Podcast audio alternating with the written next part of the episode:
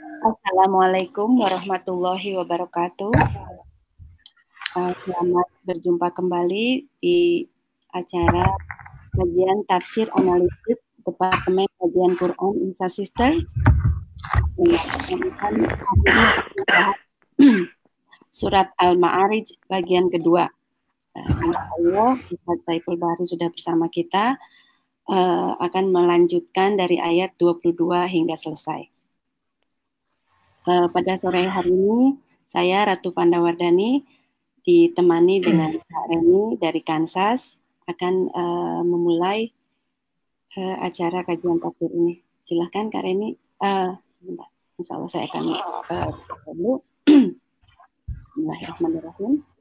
Alhamdulillahi nasta'inuhu wa nastaghfiruhu wa na'udzu billahi min syururi anfusina wa min sayyiati a'malina may yahdihillahu fala mudhillalah wa may yudlil fala hadiyalah asyhadu an la ilaha illallah wahdahu la syarikalah wa asyhadu anna muhammadan abduhu wa rasuluh la nabiyya ba'da Allahumma salli wa sallim wa barik ala Muhammad wa ala alihi wa ashabihi ajma'in amma ba'du. Rabbi sholli sadri wa yassir li amri wa hlul 'uqdatam min lisani yafqahu qawli. Baiklah, acara akan dimulai dengan uh, bacaan ayat Quran uh, Kak Reni. Silakan.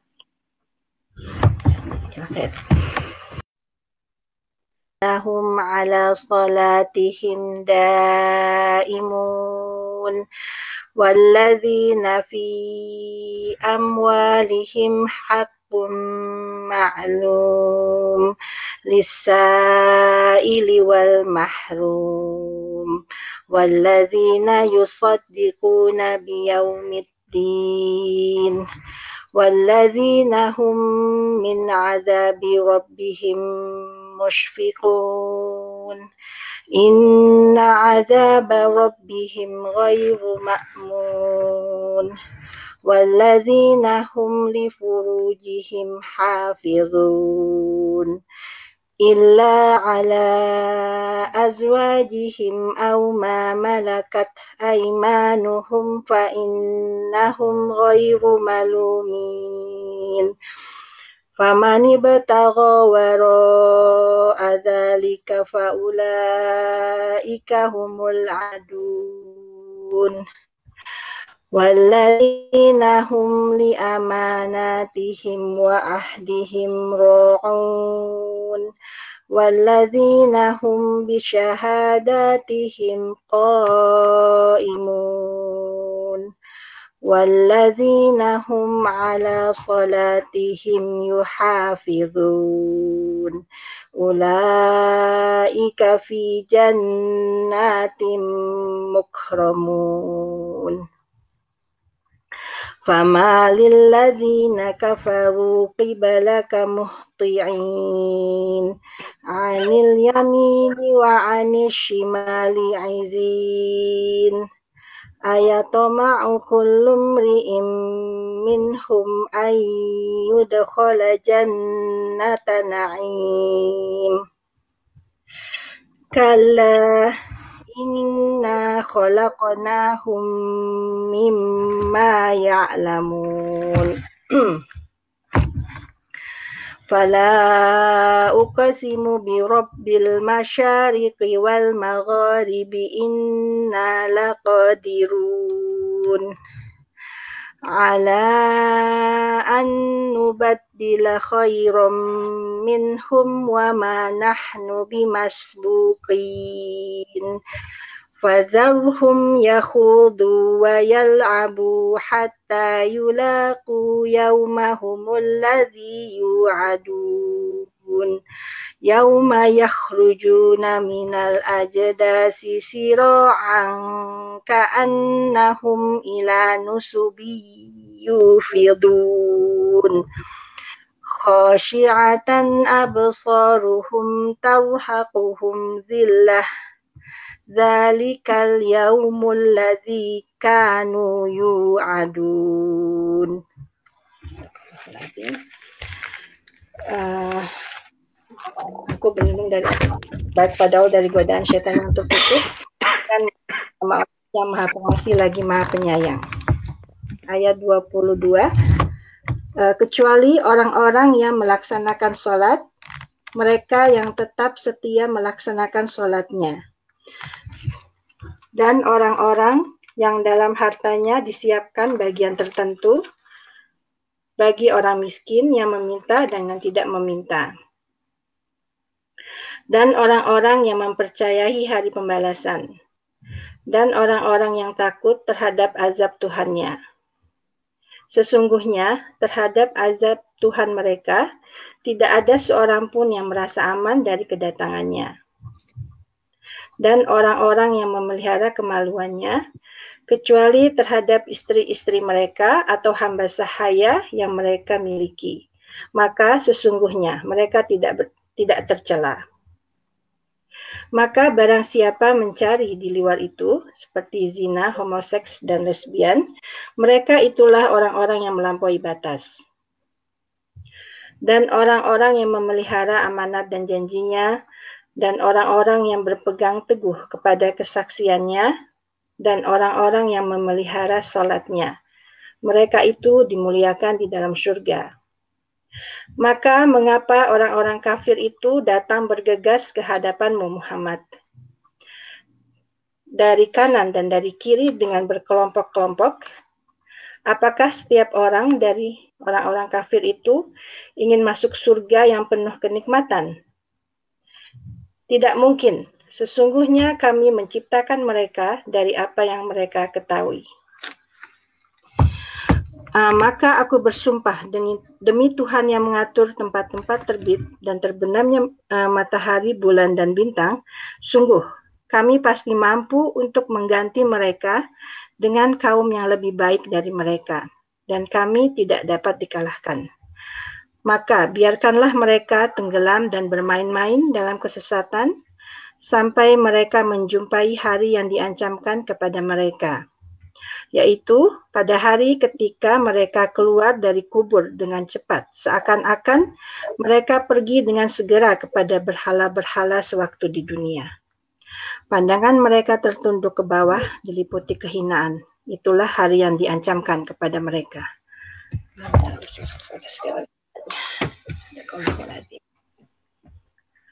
Uh, Jazakillah khair Kak Reni Elias uh, Shefa, beliau dari Wichita, Kansas. Uh, beliau juga adalah uh, koordinator program tahfidz di Departemen Quran Insa Sister. Baiklah, uh, selanjutnya kita akan langsung memulai lanjutan dari tafsir uh, Quran surat Al-Ma'arij. Kalau kemarin di ayat uh, 21 maka, uh, yang sebenarnya tafsirnya itu uh, masih uh, ini ya masih tanggung penjelasannya. Sekarang ini adalah lanjutannya bagaimanakah mengatasi sifat-sifat manusia yang Allah sebutkan di ayat-ayat sebelumnya itu. Uh, silakan Pak Ustadz dimulai. Bismillahirrahmanirrahim. Assalamualaikum warahmatullahi wabarakatuh. Bismillahirrahmanirrahim. Alhamdulillah. Bil iman wa faddalana bil Qur'an. Allahumma salli wa sallim wa barik ala sayyidil anam habibina wa syafi'ina Muhammadin sallallahu alaihi wasallam wa ba'd. Kita bersyukur kepada Allah Subhanahu wa taala para pecinta Al-Qur'an, para peserta kajian tafsir online IMSA Sister di mana pun Anda berada, khususnya yang ada di wilayah Amerika, Kanada, dan sekitarnya, ataupun yang ada di Indonesia. Allah SWT perkenankan kita berjumpa di lini masa yang berbeda, di sini pagi, di sana malam. Itu adalah tanda-tanda kekuasaan Allah SWT yang sudah kita bahas. Waktu bagi Allah adalah diperuntukkan bagi manusia tetapi di hadapan Allah semua itu menjadi nisbi, relatif. Karena itulah kita bersyukur kepada Allah jika mampu menggunakan waktu tersebut untuk kebaikan dan wabil khusus perjumpaan dalam membahas ayat-ayat Allah ini dijadikan kita termasuk ahlul Quran dan kelak mendapatkan syafaatul Quran di hari kiamat. Baik para peserta tafsir online, para pecinta Al-Quran di mana pun Anda berada, pada pertemuan yang lalu kita sudah membahas beberapa karakter utama manusia secara uh, fitrahnya. Manusia memiliki karakter dasar yaitu mengeluh atau halu'a. Halu'a sesungguhnya uh, diterjemahkan menjadi dua. Jika dia mendapatkan kebaikan maka dia kikir atau menahan jika dia mendapatkan hal-hal yang kurang diinginkan atau keburukan, maka dia akan segera berkeluh kesah. Jadi kalau bahasa modernnya ini orang moody, tergantung moodnya. kalau baik, dia tahan, tetapi kalau tidak baik, uh, dia menggerutu dan sebagainya. Lalu Allah SWT di dalam ayat-ayat berikutnya memberikan solusi yang kalau kita lihat jumlahnya mungkin uh, secara letterlock di dalam ayat Al-Quran ada delapan, tetapi menjadi sembilan karena ada dua yang Allah mulai dan Allah akhiri, yaitu tentang sholat. Yang pertama tadi disebutkan daimun, berarti continue. Yang kedua sifatnya adalah menjaga.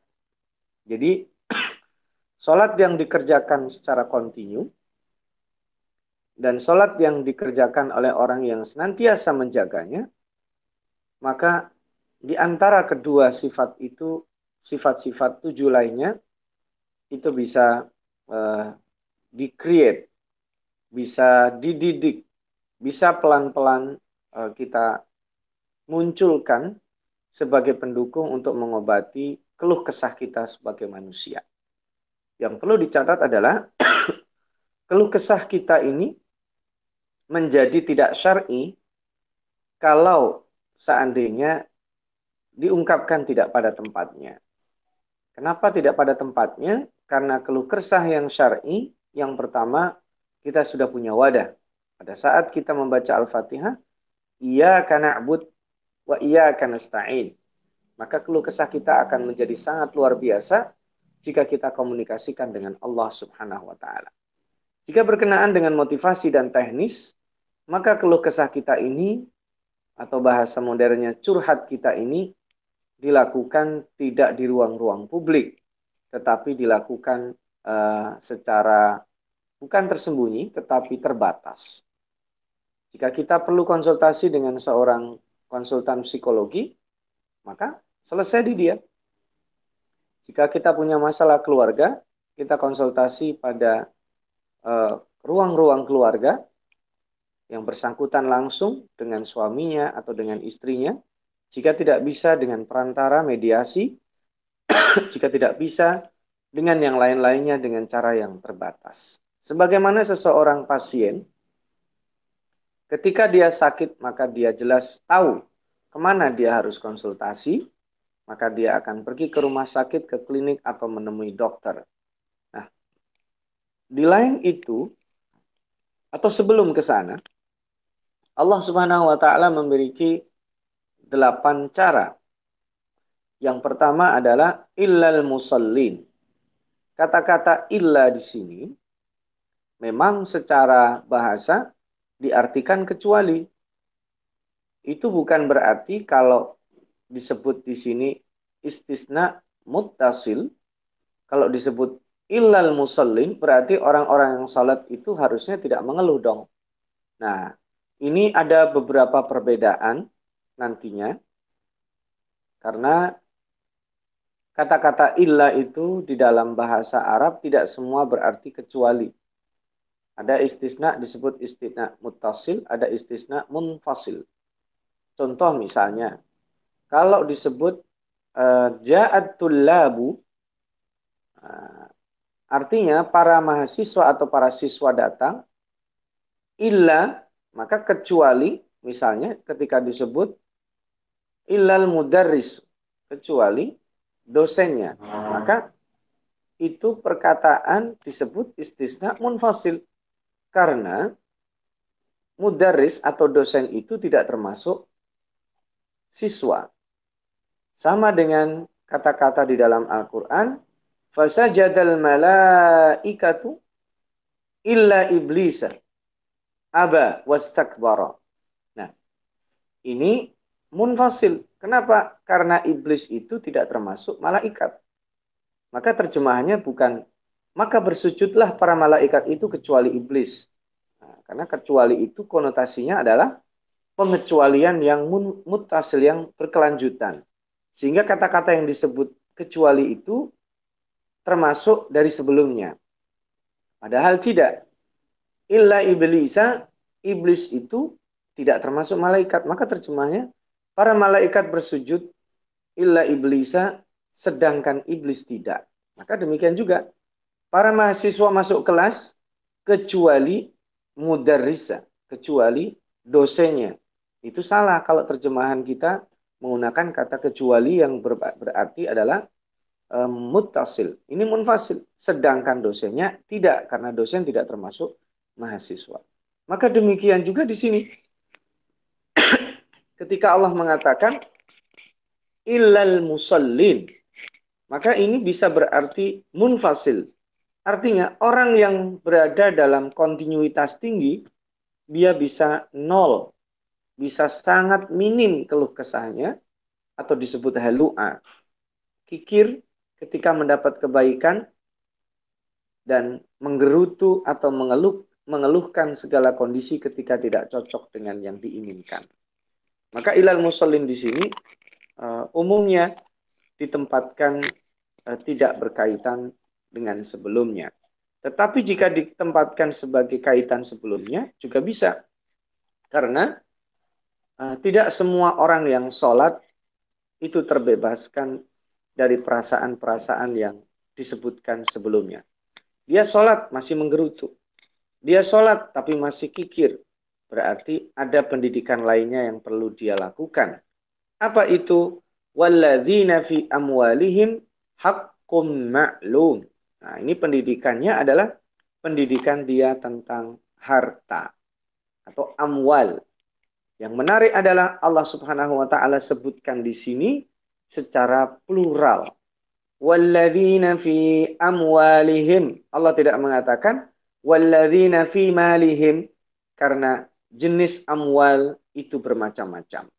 Maka persepsi kita tentang harta itu juga harus diluruskan karena nanti persepsi ini akan terganggu jika kita hanya mengatakan bahwa yang disebut harta itu adalah materi benda, maka amwal yang berbentuk lainnya kita tidak menganggapnya. Apalagi nanti ketika diperluas bahwa amwal itu juga bagian dari al-arzak atau rizki yang diberikan Allah Subhanahu wa taala kepada para manusia. nah, amwal itu bentuknya banyak. Amwal yang Allah berikan kepada manusia sebagai bagian dari rizki juga bermacam-macam caranya. Amwal yang Allah berikan itu juga uh, kualitasnya berbeda-beda. Tetapi Allah mencoba untuk supaya kita tidak fokus pada itu, tapi fokus kita adalah hakum ma'lum. Ketika kita mendapat rizki, dalam otak kita langsung ada hakum maklum. Ini bagian sekian untuk zakat, bagian sekian untuk infak, bagian sekian untuk sedekah. Itu namanya pendidikan. Maka walladzina fi amwalihim hakum ma'lum. Masya Allah. Hakun ma'lum, Allah menyebutnya sebagai hak. Hak di sini artinya yang ditunaikan bisa berarti kewajiban kalau itu zakat, bisa berarti kemudian uh, anjuran kalau itu di bawahnya sedekah, infak dan lain sebagainya. Maklum berarti dia tahu sesungguhnya. Ketika seseorang mendapatkan nikmat Allah Subhanahu wa taala, dia tahu sesungguhnya bahwa dia sudah diajarkan Allah how to share. Makanya salat dan zakat selalu dikaitkan.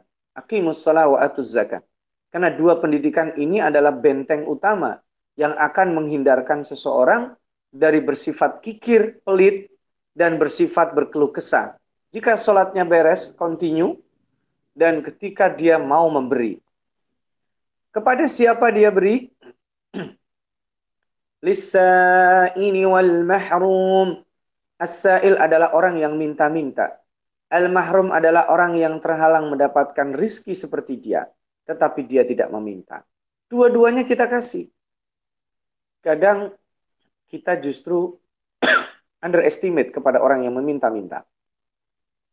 Enak aja, saya kerjakan susah. Saya bekerjakan mengerahkan tenaga, pikiran, otak, menghabiskan waktu.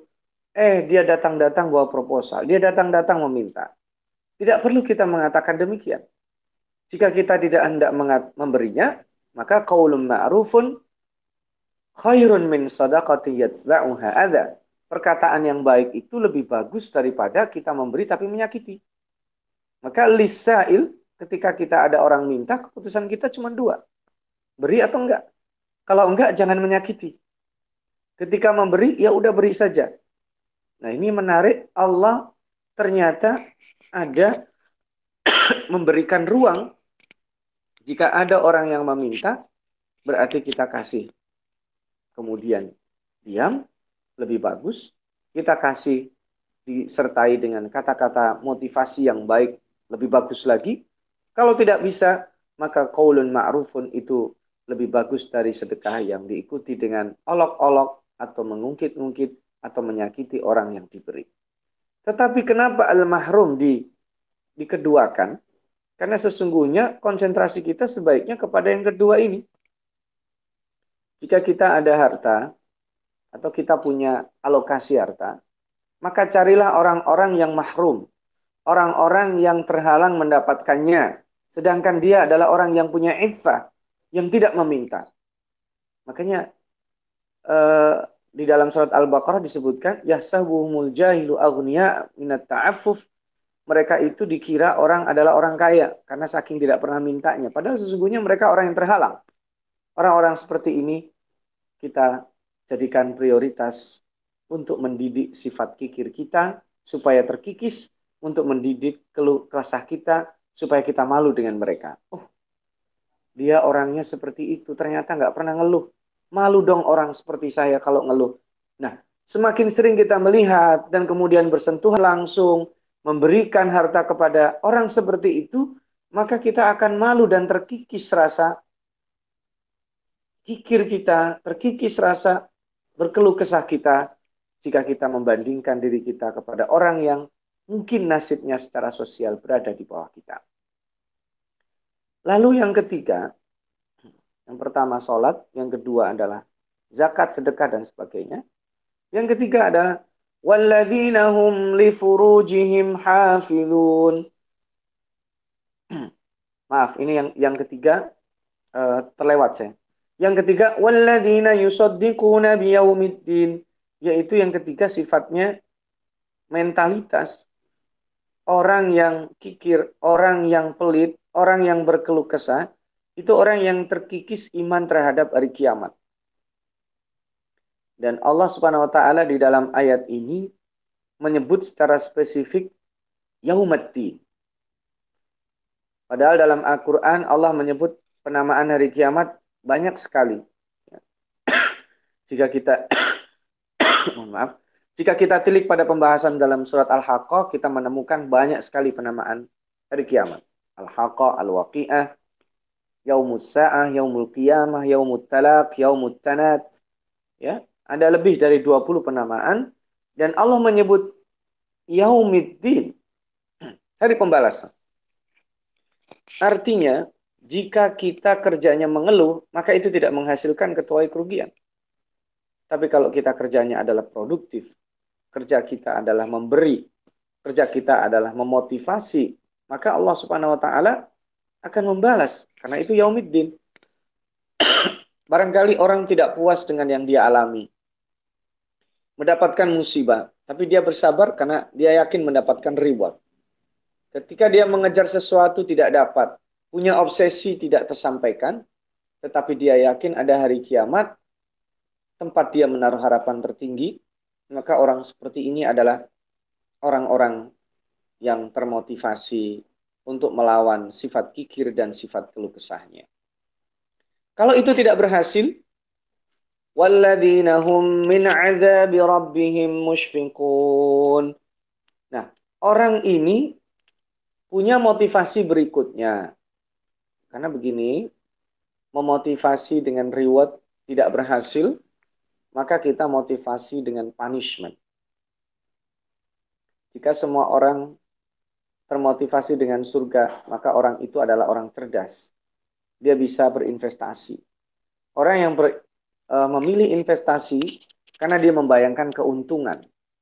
Ya, saya berinvestasi pada proyek A karena proyek A ini akan menghasilkan e, cashback misalnya atau keuntungan misalnya atau reward misalnya dan lain sebagainya sekian. Itu karena orang dia cerdas mengkalkulasi atau memvisualisasikan investasi tersebut. Tapi ada orang juga yang tidak tidak sanggup membayangkan itu, maka dia menggunakan yang berikutnya, yaitu takut kepada adab Allah. Walladzina hum min adzabi. Bagaimana cara kita memvisualisasikan bahwa azab Allah itu sangat luar biasa beratnya? Kita dengan membaca ayat 28. Inna azab rabbihim ghairu ma'mun. Sesungguhnya azab Tuhan mereka itu ghairu ma'mun. Kan kita sudah menjelaskan bersama di awal pertemuan surat Al-Ma'arij, kita melihat azab itu dekat sekali. Kita melihat murka dan kasih sayang Allah Subhanahu wa taala itu batasnya tipis. Dan itu bagi orang-orang kafir merasa aman karena dia merasa punya backing. Dia merasa merasa terbackup dengan kekayaan, dengan jabatan, dengan kekuasaan, dengan kolega, dengan networking. Mereka merasa aman. Innahum yarawnahu ba'ida. Kayaknya nggak mungkin. Hancur nggak mungkin. Tapi wanarahu qariba. Kita melihat adab Allah itu dekat sekali. Karena Allah sanggup dengan sekejap mata, dengan soihatan wahida, dengan teriakan malaikat diperintahkan, dengan angin sekali tiup, dengan goncangan yang sederhana saja, rusak, hancur binasa peradaban yang dengan susah payah sudah dibangun oleh manusia. Maka membayangkan adab Allah itu ghairu ma'mun,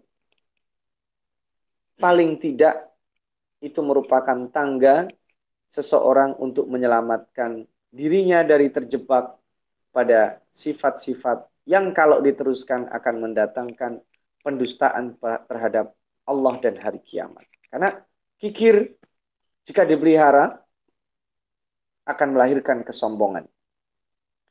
Keluh kesah jika dikembangkan maka akan mengakibatkan orang ini menyalahkan orang, mengakibatkan menyalahkan kondisi, mengakibatkan kufur terhadap karunia yang Allah berikan yang lebih besar dari hal-hal yang menurut dia tidak baik yang dia alami pada saat itu. Ini yang keempat. Yang kelima, cara untuk mendidik supaya tidak terjebak pada halua ini adalah dengan menjaga harga diri. Dan Allah Subhanahu wa taala mohon maaf kelihatannya bahasanya vulgar, tapi ini minimal. Apa bahasanya? Walladzina hum li furujihim hafizun illa ala azwajihim aw ma malakat aymanuhum fa innahum ghairu malumin. فمن ابتغى وراء ذلك فأولئك هم العادون mereka orang-orang yang menjaga kemaluannya Kelihatannya sederhana. Menjaga kemaluan ini bentuk minimal. Bahwa Allah tahu hasrat biologis, atau kalau dalam bahasa vulgarnya adalah kebutuhan seksual manusia, itu merupakan fitrah. Dan fitrah itu perlu penyaluran. Maka penyaluran yang syar'i itu adalah dengan pasangan-pasangan yang Allah sebutkan sebagai azwaj, yaitu pasangan yang syar'i.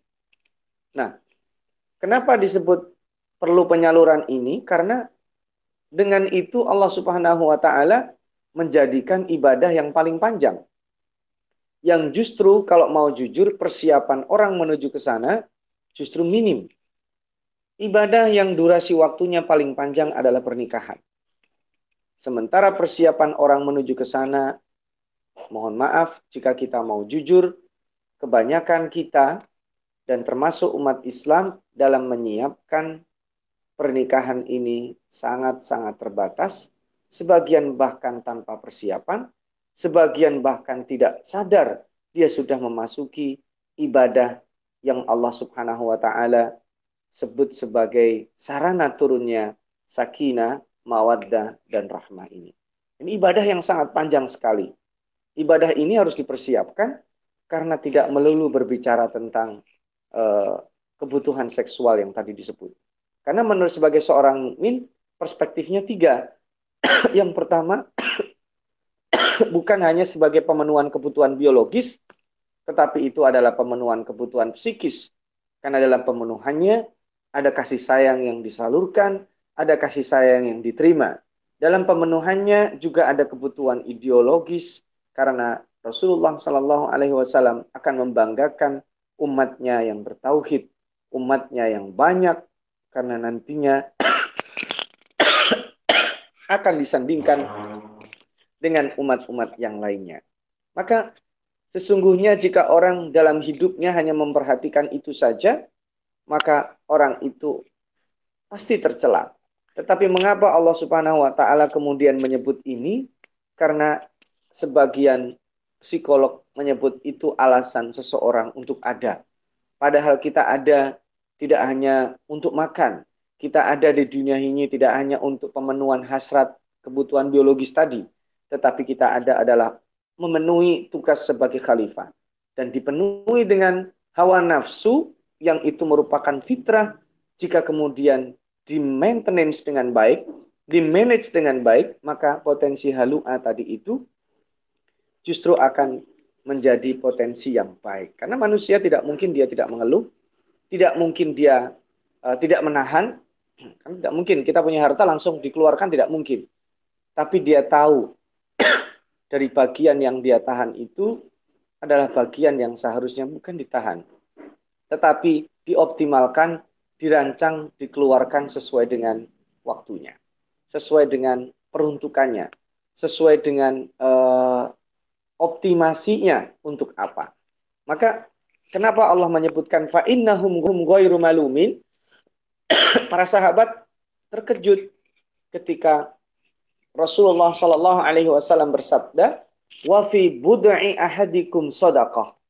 Dan mohon maaf, di dalam kemaluan kalian terdapat sodako. Para sahabat terkejut. Ya Rasulullah, ayati ahaduna syahwatahu, apakah seseorang di antara kami dalam melampiaskan syahwatnya mendapatkan sedekah? Rasulullah Wasallam mencoba beranalog. Rasulullah mengajak para sahabat untuk beranalog. Bagaimana kalau itu diletakkan kepada yang haram? Apakah mendapatkan uh, dosa? Maka para sahabat mengatakan, iya, kalau itu ditaruh kepada yang haram, mendapatkan dosa, maka demikian kalau itu diberikan salurannya secara syar'i, maka dia adalah ibadah, maka itu adalah sedekah. Maka kata-kata ghairu malumin ini uh, juga menumbuhkan supaya kita ini berbicara seperti ini tidak tabu. Karena ini bahasan kita bisa sangat panjang kalau persiapannya dari kecil. Nah, kalau berbicara tentang pendidikan seksual, bagi sebagian orang itu tabu, bagi kita harusnya disiapkan dari kecil. Karena Rasulullah SAW memerintahkan ajarkan anak sholat, kalau tidak mau kemudian udah besar dipukul di usia 10 tahun dan pisahkan tempat tidur. Ini adalah pendidikan eh, pemahaman pendidikan seksual sejak dini. Kemudian bagaimana dikasih tahu aurat, kapan sejak usia kapan dia seharusnya tidak dimandikan lagi oleh ayah ibunya. Kemudian tidak boleh tidur satu selimut. Kemudian dia diajarkan ada uh, fitrah. Ya, bagaimana istinja. Bagaimana nanti dia dihitan dan seterusnya. Ini adalah bagaimana dia di dalam surat An-Nur minta izin ketika memasuki ruang dan kamar orang tuanya. Itu adalah hal-hal yang sebagian kita tidak sadar itu adalah pendidikan persiapan seseorang mempersepsikan tentang al-furuj, tentang kemaluannya, tentang bagaimana dia maintenance, menjaga dengan baik, sampai kemudian itu sudah disiapkan pada saat bertemu dengan pasangan hidupnya, maka Allah Subhanahu wa taala menyebutnya ghairu malumin. Kalau sudah sama suami dan istri tidak ada batasnya, meskipun tetap ada guidance-nya. Guidance-nya adalah tidak boleh mendatangi dari belakang. Ya, meskipun kepada istrinya itu tidak boleh mendatangi dari belakang karena itu diharamkan oleh Allah Subhanahu wa taala. Maka kata Allah, "Famani adun." Orang-orang yang mencari jalan selain itu, maka orang itu adalah orang yang tercela. Jadi, orang-orang yang melampaui batas. Nah, ini uh, adalah orang yang secara hasrat itunya tidak tersalurkan atau biasanya keluh kesahnya, biasanya kikirnya juga jadi. Maka orang yang harga dirinya terjaga, muruahnya terjaga, insya Allah dia tidak menjadi pribadi yang uh, berkeluh kesah dan kikir. Yaitu ini sekaligus mencintai pasangan karena illa ala azwajihim ini memperlakukannya dengan yang baik. Ini yang keenam. Yang ketujuh berkaitan dengan amanah. Walladzina hum li amanatihim wa ahdihim ra'un yaitu orang yang menjalankan amanah dengan komitmen dan janjinya. Ini yang ketujuh ya. E, mengemban amanah dengan baik ini adalah latihan, termasuk juga amanah komentar. Dalam majelis ada amanahnya. Dalam majelis pasien dan dokter, maka dokter itu punya amanah untuk tidak menyebarkan data-data dan aib atau mungkin penyakit pasiennya. Seorang konsultan syariah ketika ada seseorang konsultasi dengan dia, maka dia punya amanahnya tidak menceritakan kepada orang lain. Kita berada dalam sebuah majelis yang terbatas, maka majelis yang terbatas itu ada amanahnya. Dia harus jaga. Kita punya janji, komitmen, itu juga ada amanahnya. Orang yang terbiasa menjaga amanah adalah orang yang bisa menahan. Saya tidak berkeluh kesah, saya tidak kikir, saya tidak uh, berburuk sangka, saya tidak mencurahkan hal-hal yang tidak baik. Apalagi kalau itu ranahnya adalah ruang-ruang publik. Dan sebelum terakhir, Allah Subhanahu wa taala menyebutkan walladzina hum qaimun yaitu orang yang memberikan kesaksian yang benar dan tidak berdusta. Oh ini kaitannya kalau sudah persaksian ini bukan kaitan dengan kubu-kubuan. Kita diperintah untuk berbuat adil. Sekalipun kepada keluarga, dalam surat An-Nisa ya. Sekalipun kepada orang yang kita benci, dalam surat Al-Ma'idah, kita harus adil. Persaksian yang kita berikan, persaksian yang tidak dusta. Nah, persaksian yang dibangun dengan kedustaan, maka itu uh, sama saja dengan membibit Eh, seseorang menjadi seorang pendusta. Ini ada delapan hal yang berkaitan sebagai solusi dari Allah Subhanahu wa taala agar kita tidak terjerembab di dalam kelihatannya sepele halua itu, tetapi kalau itu mengkristal dan menggelebung menjadi snowball, menjadi bola salju, maka akibat terbesarnya kita bisa mendustakan hari kiamat, berburuk sangka kepada Allah, tidak percaya lagi kepada Allah dan tidak percaya lagi akan adanya hari kiamat. Orang yang kikir pada hakikatnya adalah orang yang menyiapkan dirinya menjadi orang yang sombong yang akan uh, menafikan faktor Allah Subhanahu wa taala. Orang yang berkeluh kesah adalah orang yang pada hakikatnya orang yang bersuudzon, orang yang uh, salah dalam berprasangka kepada Allah karena dia menyalahkan kondisi. Panas, dingin, terbatasnya waktu, uang yang sedikit, itu adalah alasan-alasan yang kita pakai. Minimnya kontribusi kita di dalam uh, kebaikan sosial, minimnya kontribusi kita di dalam memberi, ini karena kita kurang menjalankan apa-apa yang Allah berikan di delapan hal ini. Nah, yang menarik closingnya adalah ketika Allah mengatakan walladzinahum ala salatihim yuhafidun Jadi bukan hanya continue.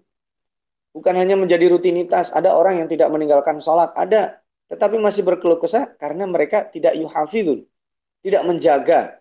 Menjaga apa? Syarat rukunnya. Menjaga ada apa? Adab sopan santunnya. Menjaga apa? Menjaga mentalitinya. Orang yang bisa menjaga sholatnya, ini obat terakhir yang luar biasa. Dia akan betul-betul bisa terbebas sama sekali dari sifat kikir, terbebas sama sekali dari sifat berkeluh kesah. Atau disebut dua-duanya adalah halu'a. Sifat-sifat manusia yang mungkin uh, saya tidak akan mengatakan sebagai sifat dasar. Potensi. Setiap manusia punya potensi menjadi halu'a. Karena Allah Subhanahu wa taala mengatakan di ayat uh, sebelumnya ya, Innal insan sesungguhnya manusia sama dengan surat Al-Asr. Innal insan lafi khusrin. Ya. Yang menarik adalah lihat jika di ayat 19 Allah mengatakan innal insan di dalam Al-Asr innal insan di dalam surat At-Tin laqad khalaqnal insan itu semuanya single. Artinya setiap manusia berpotensi. Potensi rugi waktunya, potensi terjerembab dalam kerendahan ya, asfala safilin, berpotensi menjadi halua, yaitu orang-orang yang keluh kesah, kikir, tetapi lihat pengecualiannya Allah tidak mengatakan. Kan? Idza massahu satu ya. Wa idza massahu al khairu manua satu kenapa Allah tidak mengatakan illal musalli ya atau alladzina di sini diganti alladzi ala salatihi. Tapi illal musallin karena berkelompok dengan membuat komunitas itu lebih mudah untuk tidak terjerembab pada sifat yang Allah sebutkan tadi. Lafi khusrin manusia merugi illalladzina amanu wa amilus solihat dan seterusnya. Laqad khalaqal insana fi ahsani taqwim thumma radadnahu asfala safilin illalladzina amanu. Jadi pengecualiannya kenapa bentuknya plural? Karena untuk menjadi baik, untuk terbebas dari keburukan-keburukan, kita tidak mungkin sendiri. kita harus kuat membuat group value, menjaga komunitas, membuat komunitas. Karena dengan membuat komunitas itu kita bisa menjadi kuat. Kita bisa menjadi kalau begitu menceng dikit ada yang ingetin. Begitu tracknya sudah mulai uh, keluar dari garis guideline yang Allah berikan, kita tertarik lagi. Nah, balasan yang Allah berikan kepada orang-orang itu yang melakukan sembilan hal tadi itu, ya, Al-Fakir sebutkan sekali lagi, ada di slide di situ disebutkan ya, obat keluh kesah dan kikir itu ada sembilan, ya, mungkin kita bisa sebutkan. Yang pertama, sholat segan kontinu. Yang kedua, bersedekah dengan baik, baik pada orang yang meminta ataupun orang yang terhalang. Yang ketiga, meyakini adanya hari pembalasan amal. Yang keempat, takut pada azab Allah. Yang kelima, menjaga harga diri dan e, muruah.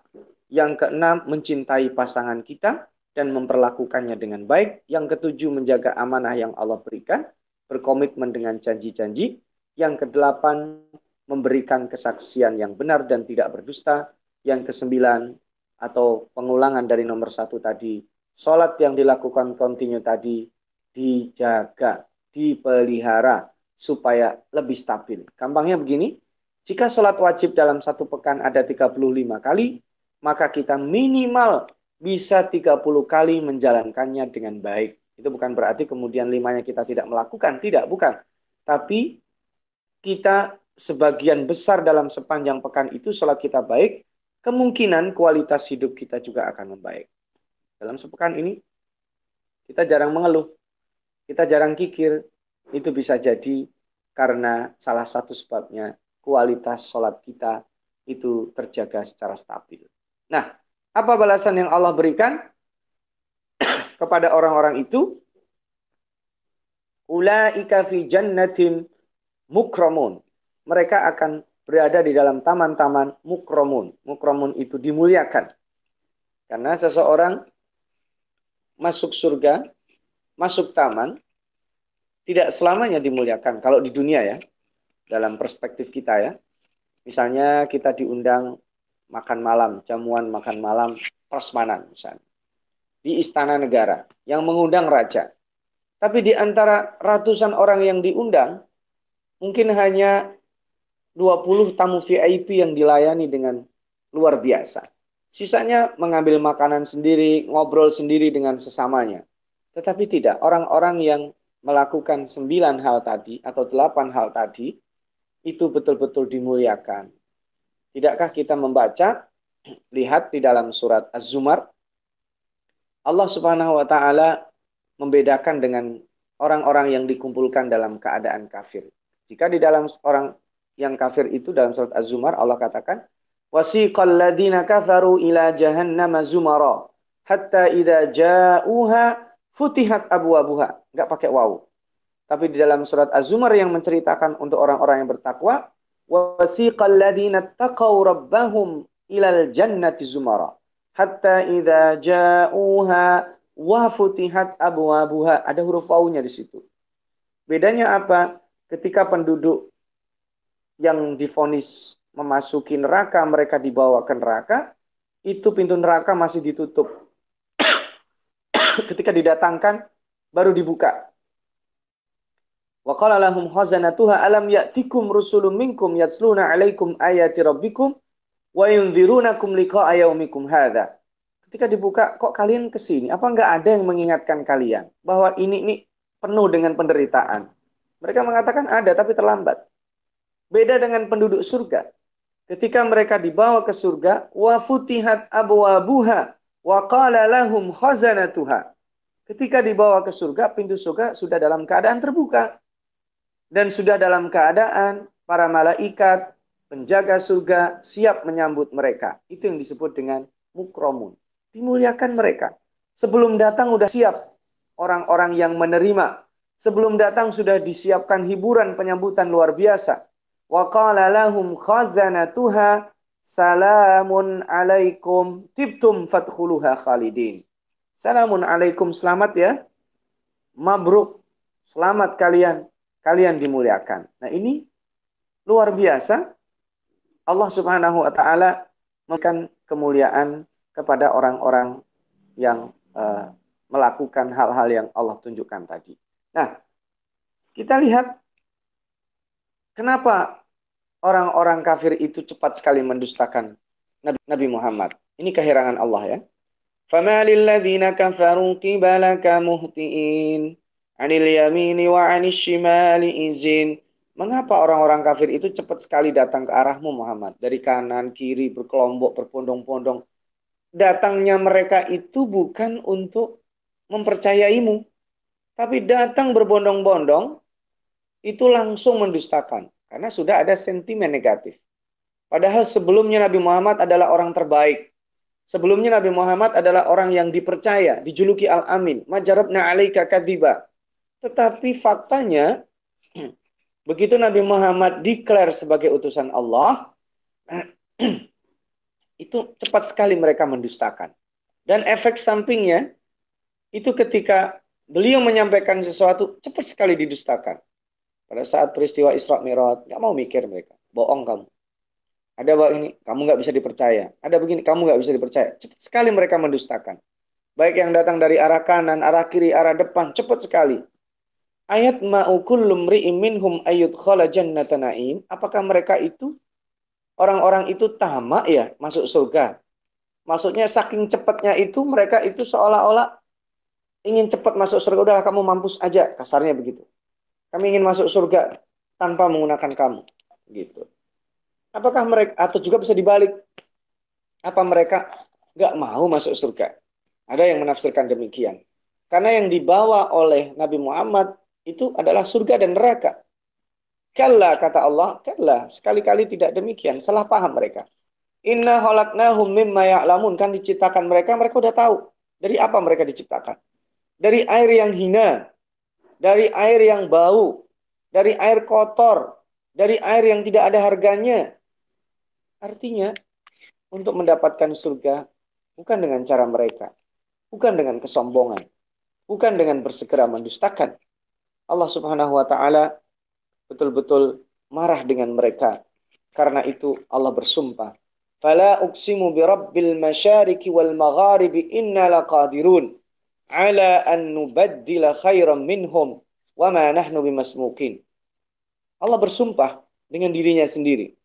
Dengan Tuhan yang memiliki al-masyarik, tempat terbitnya matahari dan bintang-bintang dan planet-planet dan juga yang sanggup menenggelamkan al-magharib di tengah tenggelamnya matahari, bintang-bintang dan sebagainya. Inna laqadirun kami pasti sanggup. Sanggup apa? Ala an nubaddila khairam minhum. Kami bisa ganti mereka. Wa ma nahnu bimasbukin dan tidak ada yang bisa mendahului kami. Enggak ada. Kemampuan Allah itu bisa. Karena itu azabnya sangat luar biasa dekat. Tapi mengapa Allah tidak mengadab kaum Nabi Muhammad seperti halnya kaum-kaum sebelumnya? Karena jika diadab seperti kaum sebelumnya, itu pertanda hari kiamat. Kalau dihabisin semua ya habis. Maka Allah jamin di dalam surat Al-Anfal. وَمَا كَانَ اللَّهُ لِيُعَذِّبَهُمْ وَأَنْتَ فِيهِمْ وَمَا كَانَ اللَّهُ مُعَذِّبَهُمْ وَهُمْ يَسْتَغْفِرُونَ Allah tidak akan mengadab mereka sedang engkau ada di tengah-tengah mereka. Allah tidak akan mengadab mereka ketika mereka masih beristighfar. Ada dua hal yang menghalangi atau Allah menunda tidak menurunkan adab. Yang pertama adalah karena Nabi Muhammad masih ada. Yang kedua karena orang-orang masih beristighfar. Karena itu Muhammad fadharhum, biarin mereka. Yahudu wa yal'abu hatta yulaqu yaumahum alladhi yu'adun. Biarkan mereka bersenang-senang, bermain, sampai mereka berjumpa dengan hari yang dijanjikan tetapi mereka dustakan. Hari itu yauma yakhrujuna minal ajdasi sira'a. Hari itu pada saat mereka keluar mereka bergegas. Bergegas ka'annahum ila nusufin yufidun seolah-olah mereka pergi ke uh, sesembahan-sesembahan yang mereka sembah di dunia. Padahal mereka bergegas itu tidak tahu mau ke mana. Padahal mereka bergegas, mereka itu panik. Padahal mereka bergegas itu mereka tidak tahu arahnya ke mana. Karena setiap orang yang bangun, wajahat kullu nafsin ma'aha sa'ikun wa syahid. Setiap orang yang terbangun di hari kiamat sudah ada malaikat protokoler yang menjemputnya, sudah diberikan catatan amal dan mereka tidak bisa sembarangan pergi ke mana. Karena hari itu hari yang tidak mudah. Hari itu hari yang sulit dan bagi orang-orang kafir sama sekali mereka tidak pernah mendapatkan kemudahan. Bergegasnya mereka bukan karena mereka tahu ke mana, tapi mereka panik karena mereka mendapatkan hal yang mereka dulu sudah diwanti-wanti.